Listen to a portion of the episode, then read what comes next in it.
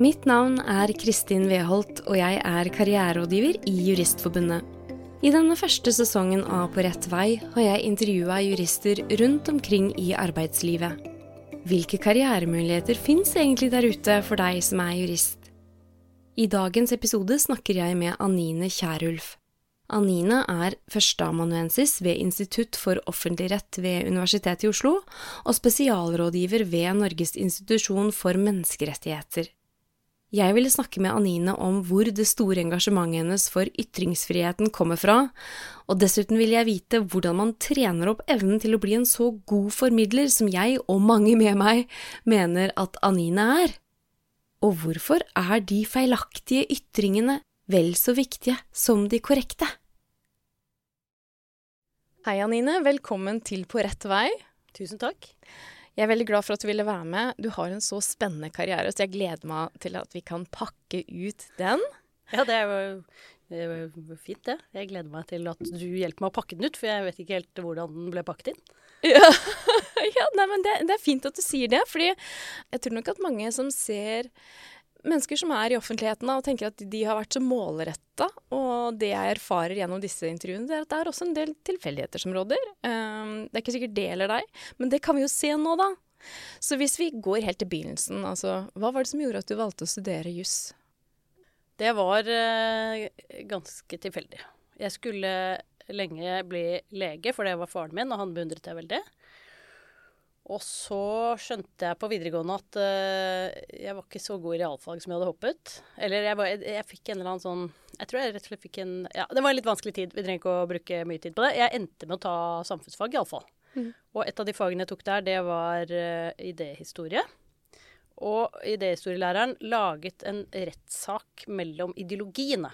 Og da skulle vi argumentere for en ideologi, og så skulle vi bytte dagen etter. Det var vel en ukes prosjekt eller noe sånt, dette her, da. Og det merket jeg at det tiltalte meg veldig. Å prøve å, å, konstruere en best mulig sak for et eller annet tankesett som jeg ikke nødvendigvis trodde på selv. Mm. Så det gjorde at Jeg har vel alltid kanskje vært glad i å argumentere og sånn. Um, og han var veldig tydelig på at han mente at jeg måtte bli advokat. Så det var, jeg tenkte, det var hyggelig å høre. Men så Jeg vokste jo opp på Oslo vest, og da var det ganske mange som skulle begynne på jussen. Og det hadde jeg jo ikke lyst til, for jeg ville ikke gjøre sånn som alle de andre gjorde. så jeg tok, eh, da jeg var ferdig på videregående, så tok jeg et år fri og jobbet som lærervikar. Og lærte meg noe spansk og litt forskjellig. Lærte å drikke øl. Um, og så tenkte jeg det var jo litt dumt å ikke begynne på jussen hvis det var det jeg hadde lyst til, bare fordi alle de andre gjorde det. For da lot jeg meg jo strengt tatt styre alle de andre. ja. ja. Så da begynte jeg på jussen. Og så var det vel også en tanke om at dette var en, en, utdanning som kunne brukes til litt av hvert. Så jeg trengte ikke å bestemme meg før senere. Nei. Det tror jeg er den beste, den ærligste rekapituleringen av hvorfor jeg begynte å studere jus. Ja, og ærlig, det er bra, tenker jeg, altså, i, i, i, alle sammenhenger. Men også her, for at ikke det skal Ja, jeg tenker på alle de jeg snakker med på karrieretelefonen vår, da. Som gir akkurat den grunnen for at det begynte på jussen, at det er på mange måter en generalistutdanning, og den gir mange muligheter. Og i det ligger også en litt sånn både en velsignelse og en forbannelse. Mm. Hva skal jeg bli når jeg blir stor? Det spørsmålet kan de fortsatt ha etter at de har gått et profesjonsstudium. Jeg har det ennå. Ja. Mm. Jeg vet ikke helt hva jeg skal bli når jeg blir stor. Nei. Jeg vet ikke helt når jeg blir stor. Jeg tror kanskje jeg er stor nå, altså. Jeg vet ikke helt hva jeg skal bli likevel. Nei. Nei. Så mm, og det kan vi jo snakke videre om, men hvis vi ser hva som skjedde rett etter uh, studiene, da. Ja, for da gikk jeg på studiene, og det syns jeg var ganske vanskelig først. Jeg skjønte, følte at jeg ikke skjønte noen ting, og at alle de andre var mye flinkere enn meg. Tror jeg er en helt unik opplevelse på jussen. Nei da, jeg tror mange har det sånn, egentlig.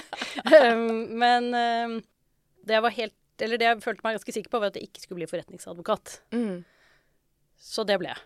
Ja, for ja. det har jeg sett på CV-en din. ja, det var jo også litt tilfeldig, for jeg var med i en sånn prosedyrekonkurranse, den nordiske prosedyrekonkurransen om menneskerettigheter, som jeg fremdeles er veileder i. Det er en utrolig bra konkurranse. Men uh, da viste det seg at det, det, gikk ganske greit, det der med prosedyre også der. Det var, lå åpenbart litt for meg, det. Mm. Og det var det da en av de partnerne i det firma, advokatfirmaet Skjøtt, som jeg begynte å jobbe i senere, som merket seg. Og da fikk jeg et Jeg var, tok en mastergrad i USA da jeg var ferdig på jussen. Og mens jeg var der, så fikk jeg tilbud eh, mm. om å begynne i Skjøtt. Og det kunne man jo ikke si nei til, i hvert fall ikke på den tiden, så hang det veldig høyt. Så, ja. da, så da ble det forretningsadvokat av meg. Mm. Ja. Hvilket rettsområde, eller hvilke rettsområder jobba du med? Jeg jobbet i prosedyreavdelingen. Så, Ja. Og det er jo en type avdeling som eh, egentlig tar imot eh, felt, eller saker fra alle rettsfelt. Eh, det var Pga. historien til det firmaet, så var den prosedyreavdelingen hadde en egen portefølje av mediesaker. De hadde en del medieklienter. Og på den tiden så ble mediene mye oftere enn nå saksøkt for bl.a. ærekrenkelser. Og det gjorde jo at den retningen ble ganske fremtredende ganske tidlig for meg. Nå hadde jeg nok vært opptatt av ytringsfrihet også før det. Jeg studerte bl.a. da jeg var i USA og tok den masteren. Men um, det, jeg fikk en ekstra omdreining. Det var litt sånn spennende tid for ytringsfrihetsjussen i Norge, dette. Fordi både hadde vi nettopp fått menneskerettighetsloven, Ytringsfrihetskommisjonen, den første, hadde nettopp levert sin eh, rapport og forslag til grunnlovsendring. Og så, og kanskje viktigst, ble Norge dømt i tre saker i Den europeiske menneskerettighetsdomstolen i Strasbourg. Ytringsfrihetssaker alle sammen, og alle preget av at uh, den norske jussen ikke i tilstrekkelig grad tok hensyn til ytringsfrihetens prinsipielle sider. Så det, eh, alle disse drivkreftene til sammen uh, gjorde nok at jeg ramla i den der ytringsfrihetsgryten ganske tidlig. Ja. Ja, for det har jeg også lyst til å høre litt mer om hvordan den interessen blei til. For hva skjedde etter at du var hos Kjøtt? Ja, jeg jobbet i Skjøtt eh, Jeg begynte vel der da et, rett etter studiet. Og så var jeg dommerfullmektig i noen år. Men jeg jobbet der frem til, frem til jeg gikk tilbake til universitetet for å ta en eh, doktorgrad Ja. i 2009. Mm. Og hva forsket du på da? Da jeg skulle egentlig Jeg laget en sånn Man skal skrive sånn eh, prosjektbeskrivelse av hva man har tenkt å studere. Og den handlet om Ja, det var noe ytringsfrihetsgreier. eh, som jeg nå har glemt litt hva var. Eh, men eh, det viste seg fort at det jeg egentlig var interessert i, var forholdet mellom domstoler og de politiske statsmakter. Og den hadde jo for blitt aktualisert av at domstolene i Norge og Den europeiske menneskerettighetsdomstol på ytringsfrihetsfeltet hadde vist seg så tydelig å være en sikkerhetsventil for en veldig grunnleggende demokratisk rettighet. Samtidig så er jo domstolenes overprøving av våre folkevalgte flertall, det reiser jo en slags sånn eh, counter-majoritarian difficulty, altså et, et antidemokratisk problem, egentlig. For hvem er disse ikke-valgte dommerne til å sitte og overprøve våre folkevalgte? Ja. Og det problemfeltet det hadde jeg i grunnen grublet en del på i løpet av studiet, og det ble så aktualisert at det hadde jeg lyst til å gruble videre på. Og så ble ytringsfrihet et eh, godt eksempel selvfølgelig på det, men, men det var det jeg endte med å skrive om, egentlig domstolenes eh, demokratiske rolle. Eller Mm. red, redemokratiserende rolle. Ja, ikke sant. Mm. Og så var det veien inn i akademia derfra. Altså, du, du var jo allerede i akademia, men du er jo nå førsteamanuensis ved Institutt for offentlig rett ved Universitetet i Oslo. Ja, Jeg er det, og så er jeg i tillegg så har jeg en stilling i Norges institusjon for menneskerettigheter, Mm. hvor jeg var fagdirektør fra 2016 eller 2017 eh, til jeg begynte nå igjen på fakultetet. Så det har vært i noen grad en veksling okay. mellom mm. det akademiske og det mer praktisk rettede. Inni der så var jeg, altså jeg var dommerfullmektig på, midt på, 2000, på 00-erne, som danskene sier. Eh, og så var jeg tilbake i den samme tingretten, Ringerike tingrett, eh, da jeg var ferdig med doktorgraden min. For da traff jeg tilfeldigvis på gamle sorenskriveren, og hun trengte hjelp med å få unna noen restanser. Ja. Så da var jeg tilbake der. Og for meg så har den vekslingen mellom de ulike utsiktspunktene til lysen vært veldig berikende, både faglig og personlig. Så det har jeg satt veldig pris på. Advokat på den ene siden av bordet, dommer på den andre siden av bordet, akademiker på den tredje siden av bordet. Ja, eh, offentlig organ NIM da, som jobber tett eh, med juss og politikk, og er veldig opptatt av den rolleforståelsen om hva som er det ene og hva som er det andre. og Mm. Så det har jeg satt veldig pris på. Men du, jeg vet ikke om dette kommer tydelig nok frem, men det har vært ganske tilfeldig. Det Ja. valget mitt om å gå tilbake til akademia er vel kanskje det eneste sånn litt bevisste valget oppi dette her. Og for øvrig så føler jeg at disse mulighetene bare har kommet min vei. Mm. Så jeg føler meg bare sånn ufattelig privilegert og takknemlig for at det du kaller en karriere, er blitt det. For for meg så har den aldri sett sånn ut fra den andre siden, men, men eh, den har vært eh, veldig eh, berikende og lærerik underveis. Mm. Ja. Altså, det, de tankene jeg gjør meg ut fra det du fortalte om, eh, var det på videregående, den situasjonen der, og så har du prosedyrekonkurransen, og så har du det du fortalte nå med de ulike rollene. Altså det at du ser Du er nysgjerrig på saker fra mange perspektiver. Ja. Det går igjen. Og så tenker jeg at inni deg må det være en hel del nysgjerrighet. Det tror jeg er helt riktig. Jeg tror jeg er et uh, ganske nysgjerrig menneske. Jeg tenker at um, mange sier at du skal finne din passion, og liksom det skal være din karriere. Men uh, jeg tror vel så mye på nysgjerrighet som en slags ledestjerne, da. Altså hvor nysgjerrigheten går. At en karriere blir til på den måten. Ja. Altså, jeg aner jo ikke hvordan noen andre mennesker enn meg er skrudd sammen. Hva er det man sier? På seg selv kjenner man ingen andre. Mm. Men, men, eh, for meg har det iallfall vært sånn hele veien. Det er jo mm. mye man må gjøre. Yeah. Eh, og kanskje særlig på skolen og på studiet og i sånne generelle deler av det man gjør. Men også i alle de jobbene man Det er jo ikke sånn at alle arbeidsoppgaver er like topp uansett hvor man er. Mm, men jeg tror veldig på det, eh, for min egen del i hvert fall. Og ja, la seg, la seg lede litt av det nysgjerrigheten eh, leder hen til. Mm. Så må man jo ikke bli helt altså, Det kan jo gå litt utover systematisk arbeid og sånn, hvis man hele tiden hopper fra det ene til det andre, kanskje. Men det har ikke vært utfordringen for meg. Da har det vært mer å, å bremse opp, at det ikke blir for mye av det. Man kan jo mm. grave seg helt ned i ting og bli helt mm. oppslukt. Ja, ja, ja. Engasjement. ja, så nå har vi hørt ytringsfrihet, menneskerettigheter. Er det andre rettsområder du jobber med i dag? Ja, det jeg er fagansvarlig for på universitetet, er jo statsforfatningsrett. Ja. Altså læren om Grunnloven, egentlig. Eller mm. forholdet mellom statsmaktene og deres kompetanse og kontroll over hverandre. Og forholdet mellom staten og borgerne.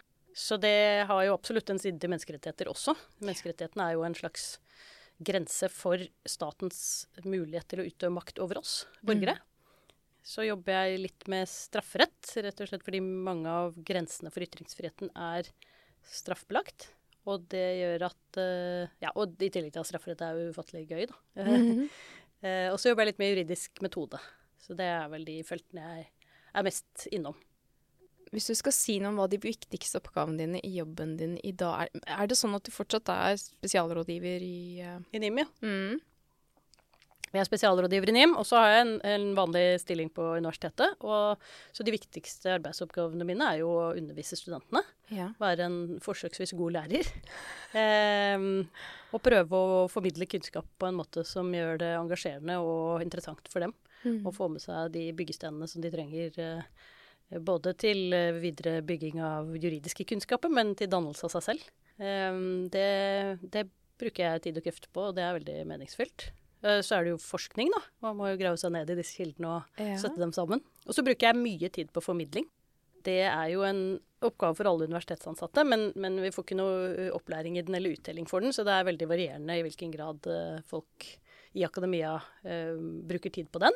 Og det tenker jeg er helt greit. Det er ikke sånn at alle må gjøre alt. Men, uh, men for meg har det vært meningsfylt, og nå Det er jo litt sånn selvforsterkende på et vis, for nå det er, vel, det er, ikke så Bortsett fra at jeg lager denne poden uh, Takk og lov, mm. uh, som prøver å bringe juss ut til både jurister og folk flest, uh, så, så, er det ikke så mange initiativer jeg tar selv til formidling.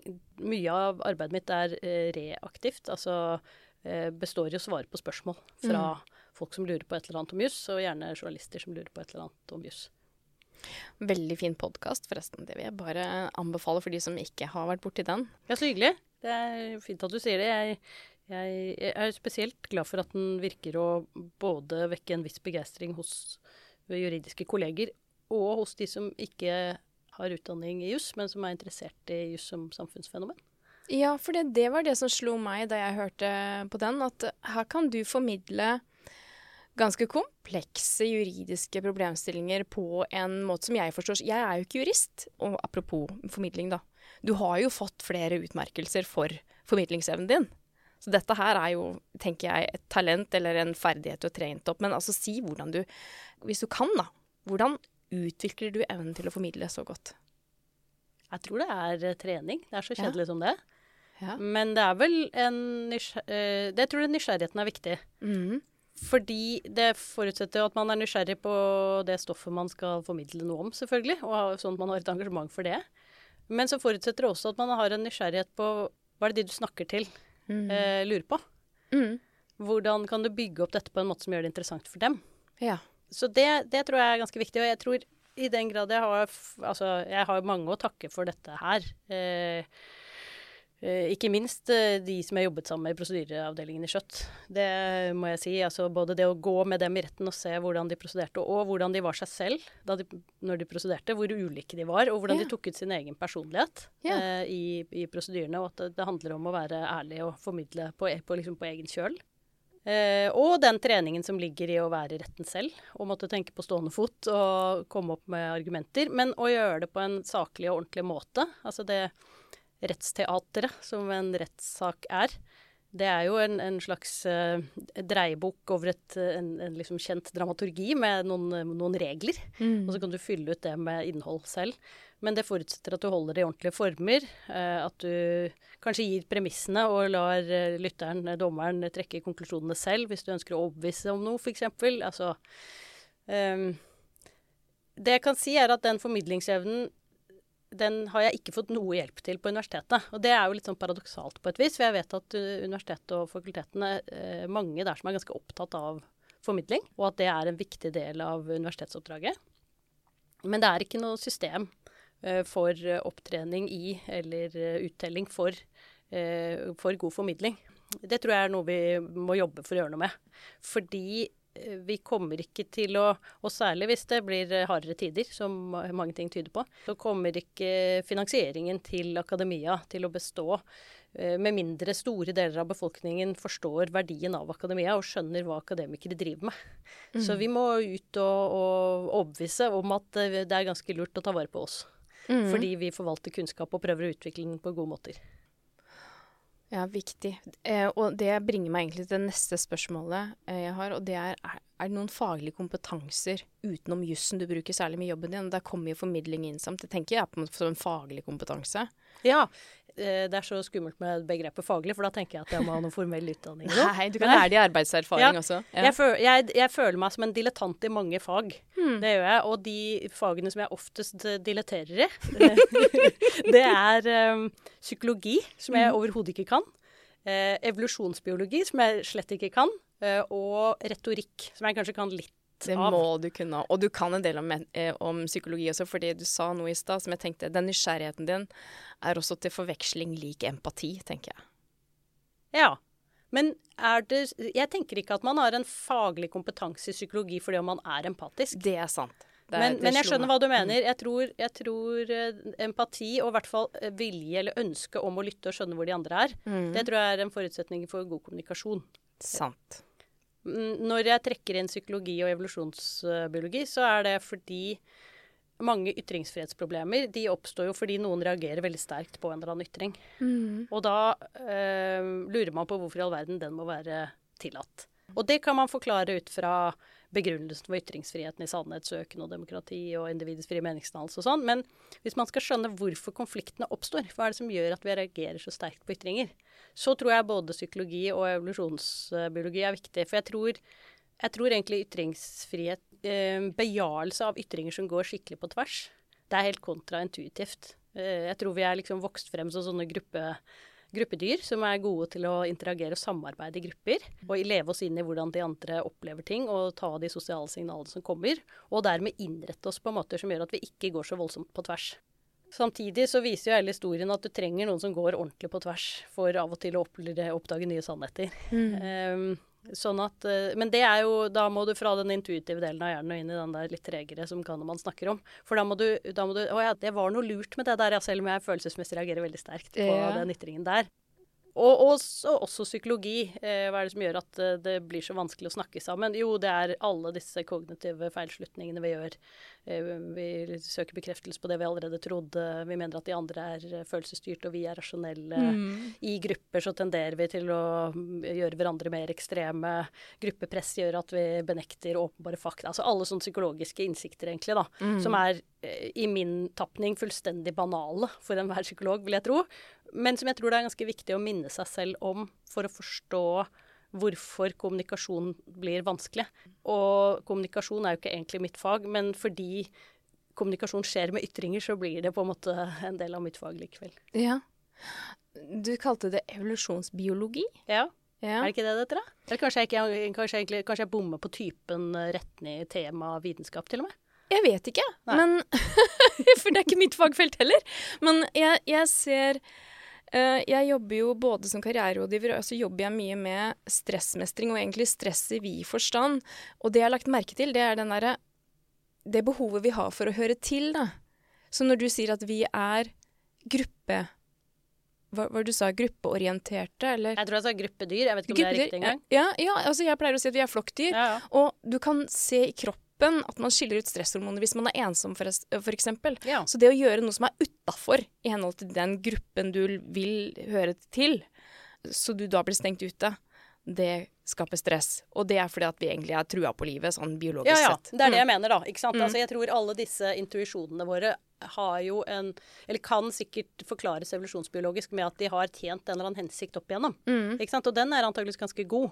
Men eh, fra overgangen fra på en måte mer dyrisk til et mer sivilisert samfunn, og et, ganske elevert sivilisert samfunn etter hvert, Mm. så er det jo veldig mange av de intuitive overlevelsesmekanismene som ikke passer så godt lenger. Mm. Eh, jeg tror bare vi må være klar over at vi, vi kan ikke sivilisere oss bort fra dem på sikkert noen tusen år. Da. Jeg vet ikke hvor lang tid sånt tar. Men, ehm, og at det preger måten vi klarer å forholde oss til de sivilisatoriske innsiktene vi for lengst har oppnådd. Mm. Og hvordan, hvor godt vi klarer å etterleve dem, egentlig. Ja, å, det er kjempeinteressant. Og du, du ser det så tydelig i ytringsfriheten. Ja, eller jeg vet ikke. Det er bare min Jeg, har jeg blir jo nysgjerrig. Hvorfor i all verden jeg har vært, Dette var i Dagsnytt 18 snakket om for to uker siden, og så er det akkurat det samme om igjen, bare med en ny sak. Hvorfor skjer dette her hele tiden? Ja. Oh, ja, det, det er kanskje ikke så rart, det, nei. Mm. Ja. Ok, så det var de faglige eh, kompetansene. Eh, hva med de personlige ferdighetene, da? Der var vi inne på empati og nysgjerrighet. ja. Hva annet er viktig, eksempel som akademiker, da? Sånn som forskere underviser. Ja, det er nok eh, integritet. Mm.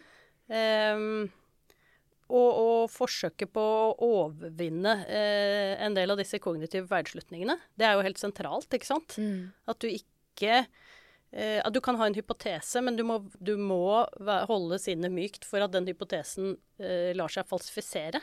Far siterte en eller annen foreleser som han hadde på medisin, som hadde sagt at Og det er jo mye mer tydelig, ikke sant, for da er det jo ordentlige funn og sånne data å studere, sånn, ikke sånn tolkningsvitenskap som juss. Men eh, mm, når du motstrebende kommer til det motsatte resultat, så er det som regel riktig.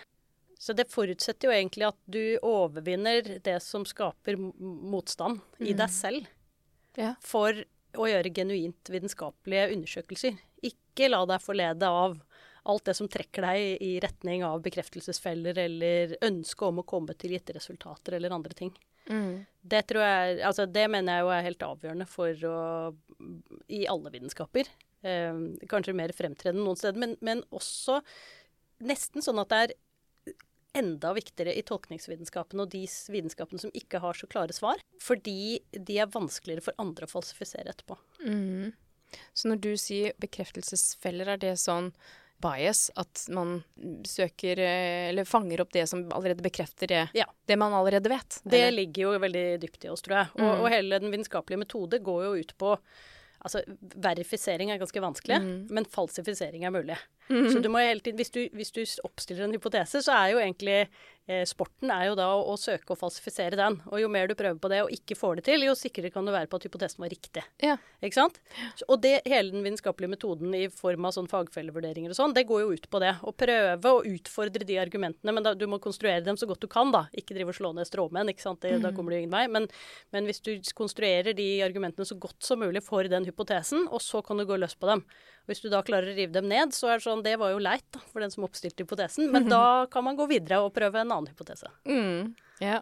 Så man kan være redd for å gjøre feil, eller, eller anta feil. Det er jo helt avgjørende. Det er jo John Stuart Mill mener jo at eh, de feilaktige ytringene kanskje er vel så viktige som de korrekte. Ja. Fordi det er de feilaktige Når de feilaktige ytringene kommer ut der, de argumentene de andre da bruker for å påvise at det er feil, Mm. da vil jo sannheten, de rikt, riktigheten, fremtre mye tydeligere. Mm. Ikke sant? Hvis ingen gidder å fremsette feil, eller tør å fremsette feil, så Mm. får du aldri de klargjøringene. Å, nå, nå, det her er interessant, for det er et helt annet perspektiv eh, på Altså, jeg husker jo dette fra X-Fill og X-Fact Ja, det, da skjønner du hvor viktig det var, egentlig. Det føltes jo bare som et ork. ja, ja. Jo, jeg syns det var interessant, det. Men jeg har jo sett også at det er en del prestasjonsangst i akademia. Eh, at man Ja, når man først har fått betrodd den tilliten det er å kunne skrive doktorgradsavhandling og Altså, det følger et Sånn jeg har sett fra de jeg har coachet, f.eks., eksempel som Mm. har den, som gjør det, at de mm, for det første er en veldig selvstendig rolle, og at det er stort ansvar. Eh, Så det er liksom fint at du bringer inn det perspektivet at det her Det med å få feedback, altså fagfellevurderinger, det er, eh, det er helt integrert i arbeidet, og at det er ikke noe å frykte. Nei, dette må vi trene på. Mm. Altså Bare parallellføre ørlite grann, da, så kommer jeg tilbake til poenget ditt. Um, det er mye snakk om en sånn krenkelseskultur om dagen. Ja.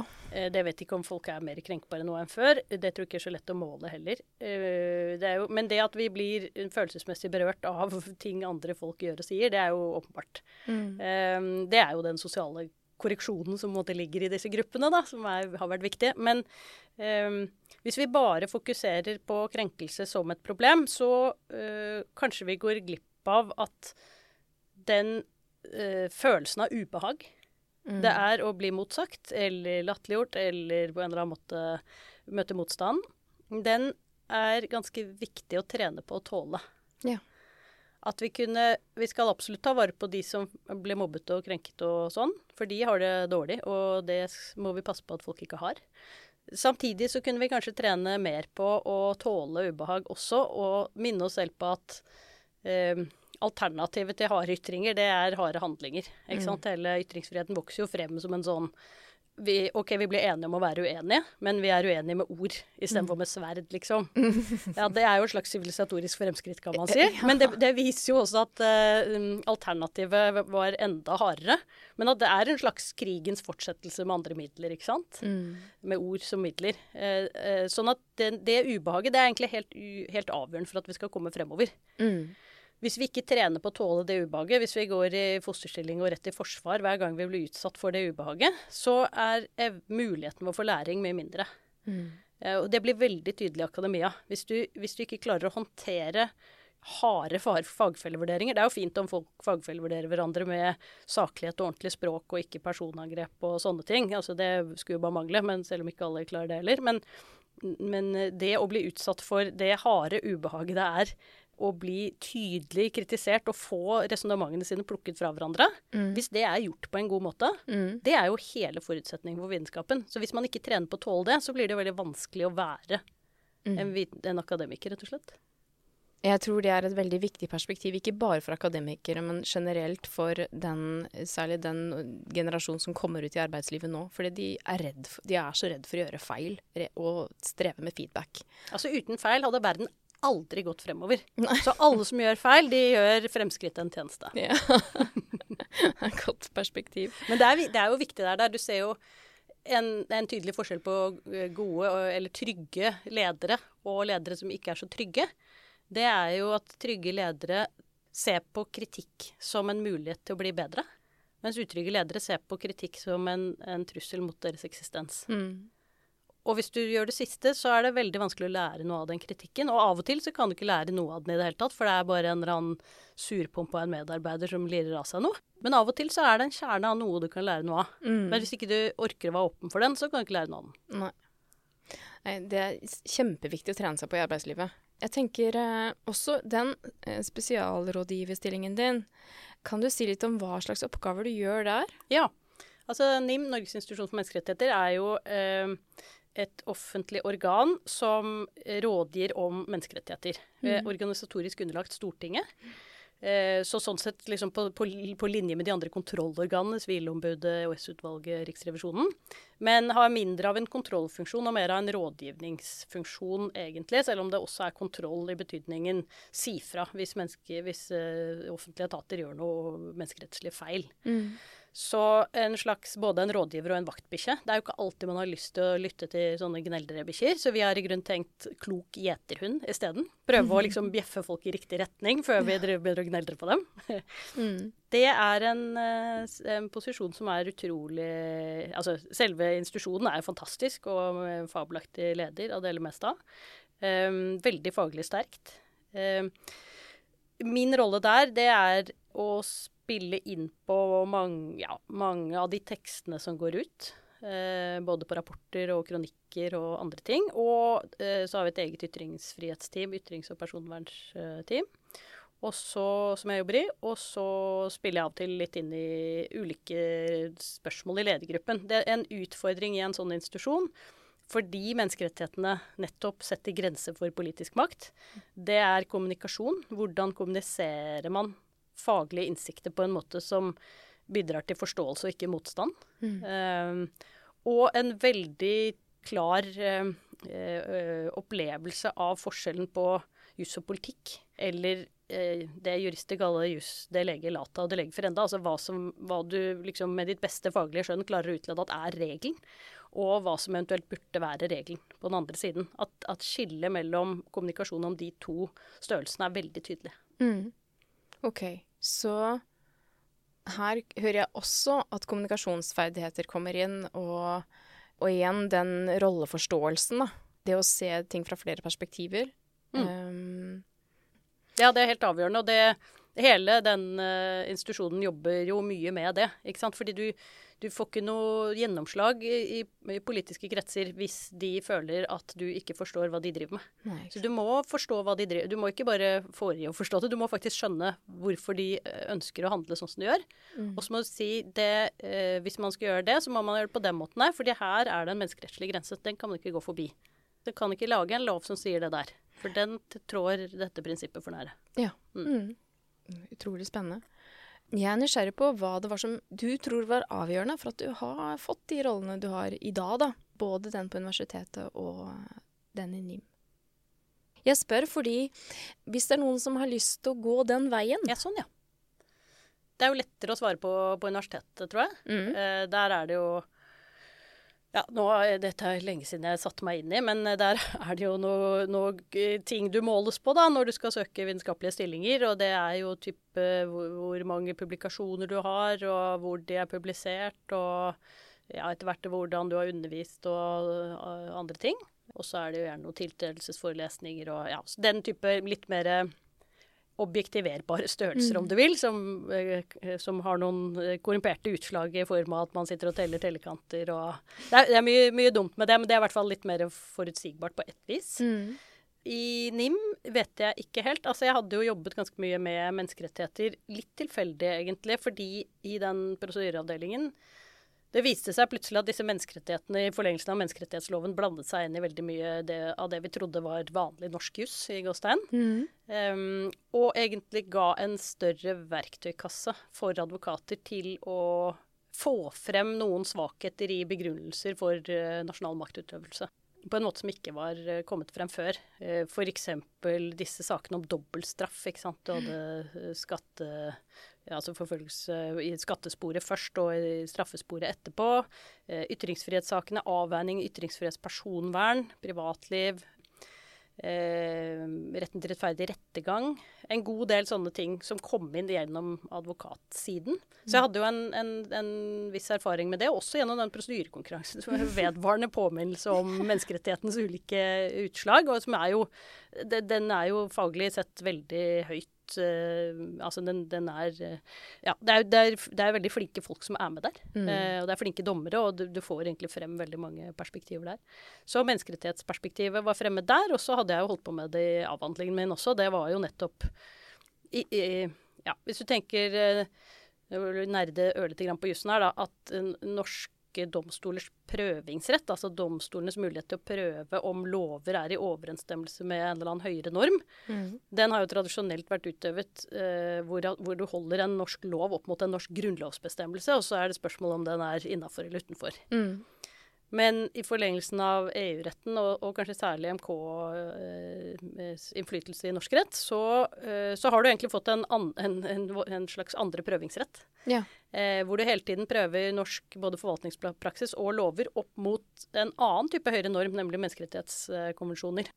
Sånn at eh, det var på en måte den, den, samme konstellasjonen, og det er en av de tingene jeg problematiserer i den avhandlingen. Eh, så også gjennom det så hadde jeg jo jobbet mye med menneskerettigheter fra ulike vinkler, og ikke minst hvordan de virket inn i norsk kontekst. Så det var nok et, godt, et ganske godt utgangspunkt for uh, å jobbe i Norges institusjon for menneskerettigheter. Mm. Ja, så her hadde du mye fagkompetanse, hører jeg. Ja, så jeg tror det er fagkompetansen mm. primært der, ja. ja. Jeg har spurt deg om hvor engasjementet kom fra når det gjelder menneskerettigheter, men jeg ville bare høre, er det noe i oppveksten din som, som også kan forklare denne interessen, eller var det bare, var det bare en tilfeldighet? Jeg tror jo det er mye tilfeldig, altså. Ehm, jeg hørte et foredrag av eh, min venn Erik Fosnes Hansen en gang. Han deduserte seg tilbake i tid da, i sin egen historie mm. for å forklare hvor ufattelig usannsynlig det var at han var født. eh, og, så det, er jo åpenbart veldig mye tilfeldigheter ja. som gjør at vi havner der vi gjør. Men det, eh, det, var, det er ett eksempel som jeg tror noen i familien har trukket frem når det er sånn Ja, hvorfor ble han niende jurist? Vi skal tilbake til eh, ja, det må være 80-tallet da, på et eller annet tidspunkt. Eh, klasse 4C på Smestad skole. Jeg elsket uh, litteratur. Mm. Uh, på ingen måte høyverdig litteratur. Jeg elsket Hardeguttene og Frøken Detektiv. For meg uh, fremsto det som den høyeste og mest høyverdige litteraturen som fantes. Men jeg fikk da vite at det var ikke spesielt høyverdig litteratur, og det fikk jeg vite ved at biblioteket ikke lånte, ikke hadde ja. det. For det var jo da ikke ansett åpenbart på en eller annen måte som god litteratur. I hvert fall ikke på den tiden. Det mente jeg var sensur. ja. Så jeg fikk med i hvert fall noen i klasse 4C til å boikotte Deichmans uh, filial på Smestad skole i en uke.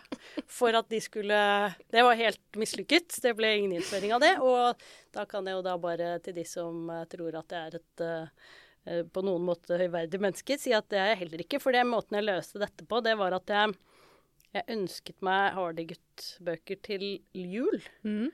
Eller bursdag. Og så leste jeg dem uhyre forsiktig. Sånn uten å brette boken helt opp. Mm. Og så gikk jeg og byttet dem.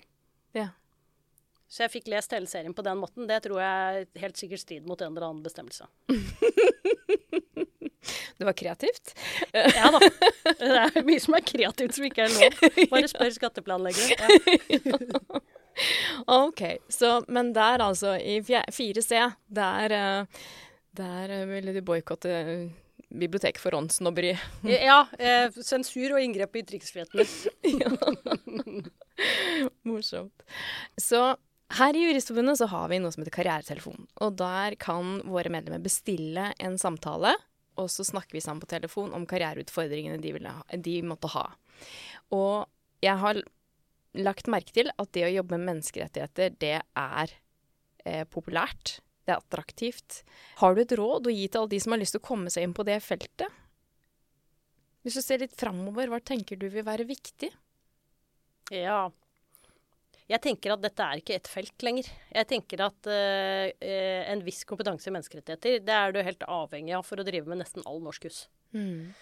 Så hvis du tenker at du er motivert av menneskerettigheter fordi du nesten bare vil jobbe med det, da snevrer du inn uh, jobbmulighetene dine ganske mye. Uh, fordi det er stort sett menneskerettigheter i en eller annen operativ form som du må, er nødt til å forholde deg til som praktiserende jurist eller rådgiver, eller hvor du nå havner hen. Men jeg, jeg, tenker nok kanskje å, å eksaminere, eller å, å gå, litt, gå, seg selv litt etter i sømmene. Hva med menneskerettigheter er det jeg syns er spennende? Mm -hmm. Hvorfor syns jeg det er spennende? Er det det juridiske ved det, eller er det det mer liksom humane, humanistiske, eh, individrettede? Eh, eh, hvorfor er det, hva er det jeg syns er eh, interessant? Og så kanskje prøve å sortere ut det som er eh, Vi er litt på samme måte som vi trener på gjennom jusstudiet. da. Sortere ut det som er rettsspørsmål, mm. og det som er andre spørsmål. og det er ikke noe galt i de andre spørsmålene heller. De er jo eh, egentlig de vi ofte er mest opptatt av. Men, men, hvis man skal jobbe med det juridisk, så er det de juridiske sidene man må forfølge. Så da tar du den lille haugen med de juridiske delene av menneskerettighetene, mm. og så tenker du hm, ja, det trekker meg jo mer i retning av det der der, det, gitt. Det var ikke menneskerettigheter som helhet, det var denne delen her jeg syns ja. var gøyal. Ja. Å, for et fantastisk pedagogisk råd! Det var kjempebra. ja, jeg må jo høre, hva liker du best ved jobben din? Oi, det er vanskelig å svare på. Jeg syns det er mye som er utrolig fint, egentlig. Ja. Um, jeg liker Jeg tror kanskje jeg liker best når jeg får til gode, engasjerte diskusjoner med studentene. Ja. Når jeg ser at de Og de kan være dønn uenige med liksom, min utgangsposisjon eller hva det er, men når de blir gira på et eller annet uh, som har en side til jussen, som vekker et engasjement i dem. Og ikke nødvendigvis sånn at det går, at går opp en aha-opplevelse, eller at det er det, men det er sånn at du ser at um, At de får en ny forståelse av et eller annet, en eller annen side ved jussen. Som ikke bare som kan komme dem til nytte faglig sett, men som gjør det med dem. Mm. Det syns jeg er fint. Ja, du ser en bevegelse i de. Ja. ja. Det var fint. Mm, tusen takk for et herlig, herlig svar. tusen takk for en veldig hyggelig samtale. du, jeg legger merke til at du, har, du må jo ha stor arbeidskapasitet. Du er eh, engasjert i mye. Så jeg lurer jo på, for jeg vet jo også, etter å ha gjort litt research, så har jeg funnet ut at du har jo en mann. Og du har jo en sønn. Ja. Eh, hvordan får du arbeidsdagen til å gå opp? Eller hverdagen til å gå opp, får jeg si. Ja.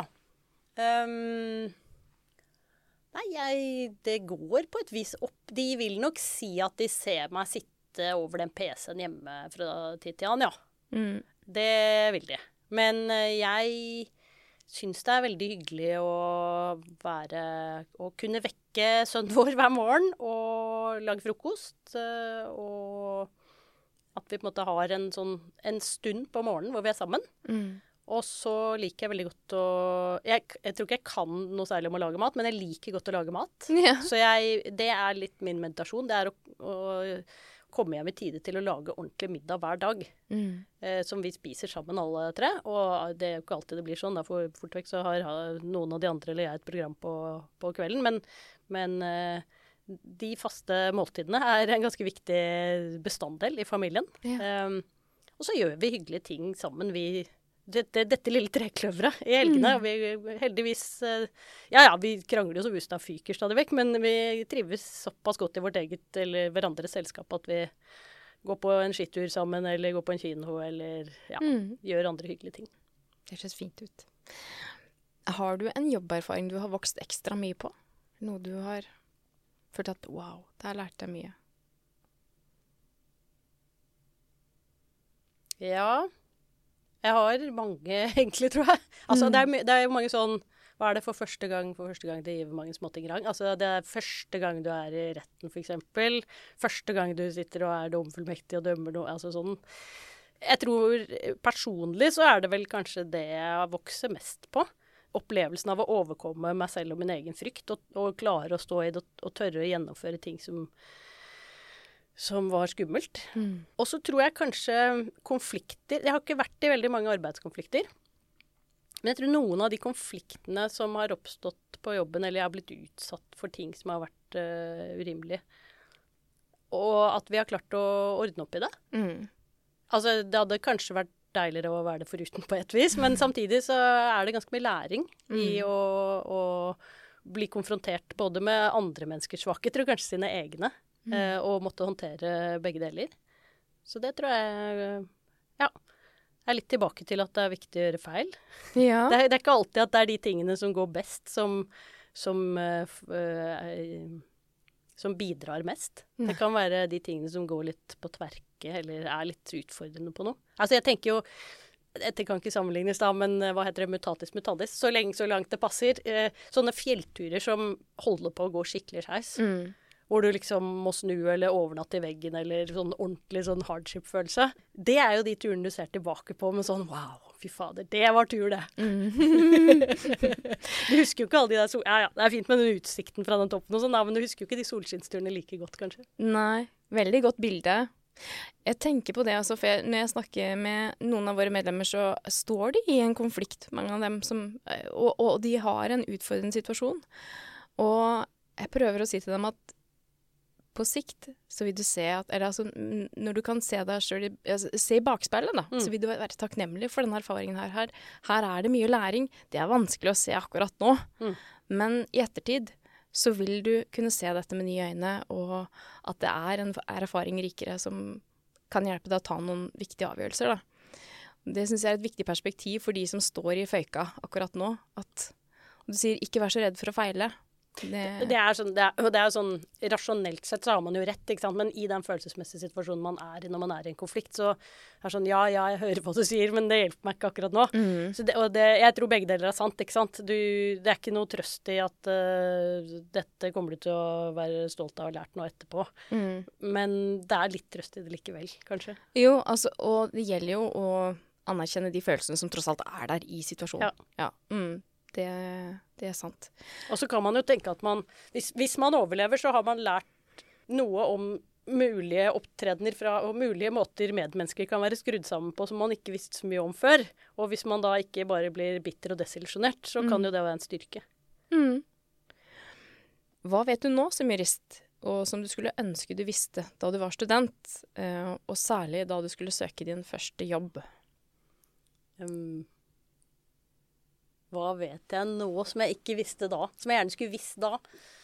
Nei, det er vel kanskje litt tilbake til det vi snakket om litt tidligere i poden her, at uh, det er ikke så farlig å gjøre feil. Nei. Jeg tror det jeg lærte først da jeg begynte å jobbe som advokatfullmektig, det var at, uh, og som var vanskeligst å, å forsone seg med, det var at 90% er nok. Mm. Når du er vant til å føle at du må levere 150% hele tiden, og tror at det er 90 mm. så blir det å på en måte justere ned det å levere ting som føles litt uferdig sånn, det er veldig skummelt. Det er jo en egenskap som man bare er nødt til å utvikle så fort som mulig. For ellers så klarer man ikke å få fra seg ting i jobben sin, og det er tross alt uh, det som gjør at du er til nytte for noen andre. Mm. Ja. OK. Så øve på det. Mm. Hvilke spørsmål skulle du ønske jeg hadde stilt? Eh, hva, hvilket spørsmål korresponderer til svaret 42? Nei da. Eh, nei, hva, hvilket spørsmål skulle jeg ønske at du hadde stilt? Hva er det man ønsker å bli stilt spørsmål om da? Er det noe du er spesielt opptatt av nå, som du har lyst til å si noe om? Ja. Jeg eh, er spesielt opptatt av at jeg tror veldig mye diskusjon kunne vært bedre, og kommunikasjon kunne vært bedre, hvis vi alle hadde bestrebet oss litt mer på én ganske enkel ting. Nemlig å prøve å tolke dem vi snakker med, i beste mening. Mm. Og prøve å konstruere deres posisjon best mulig, og vennligst mulig. Hvis vi prøvde litt hardere på det, litt flere av oss, så tror jeg veldig mange skinndiskusjoner uh, kunne vært unngått. Mm veldig mye stråmannsnedsabling eh, eh, kunne vært unngått. Og uh, at vi kanskje kunne lagt grunnlaget for litt bedre samhandling og litt bedre forståelse. Ja. Tusen takk for det perspektivet. Og tusen takk, Anine, for at du ville være med på På rett vei. Det har vært en glede å ha deg her. Det var veldig hyggelig å være her. Jeg lurer på om denne poden er på rett vei.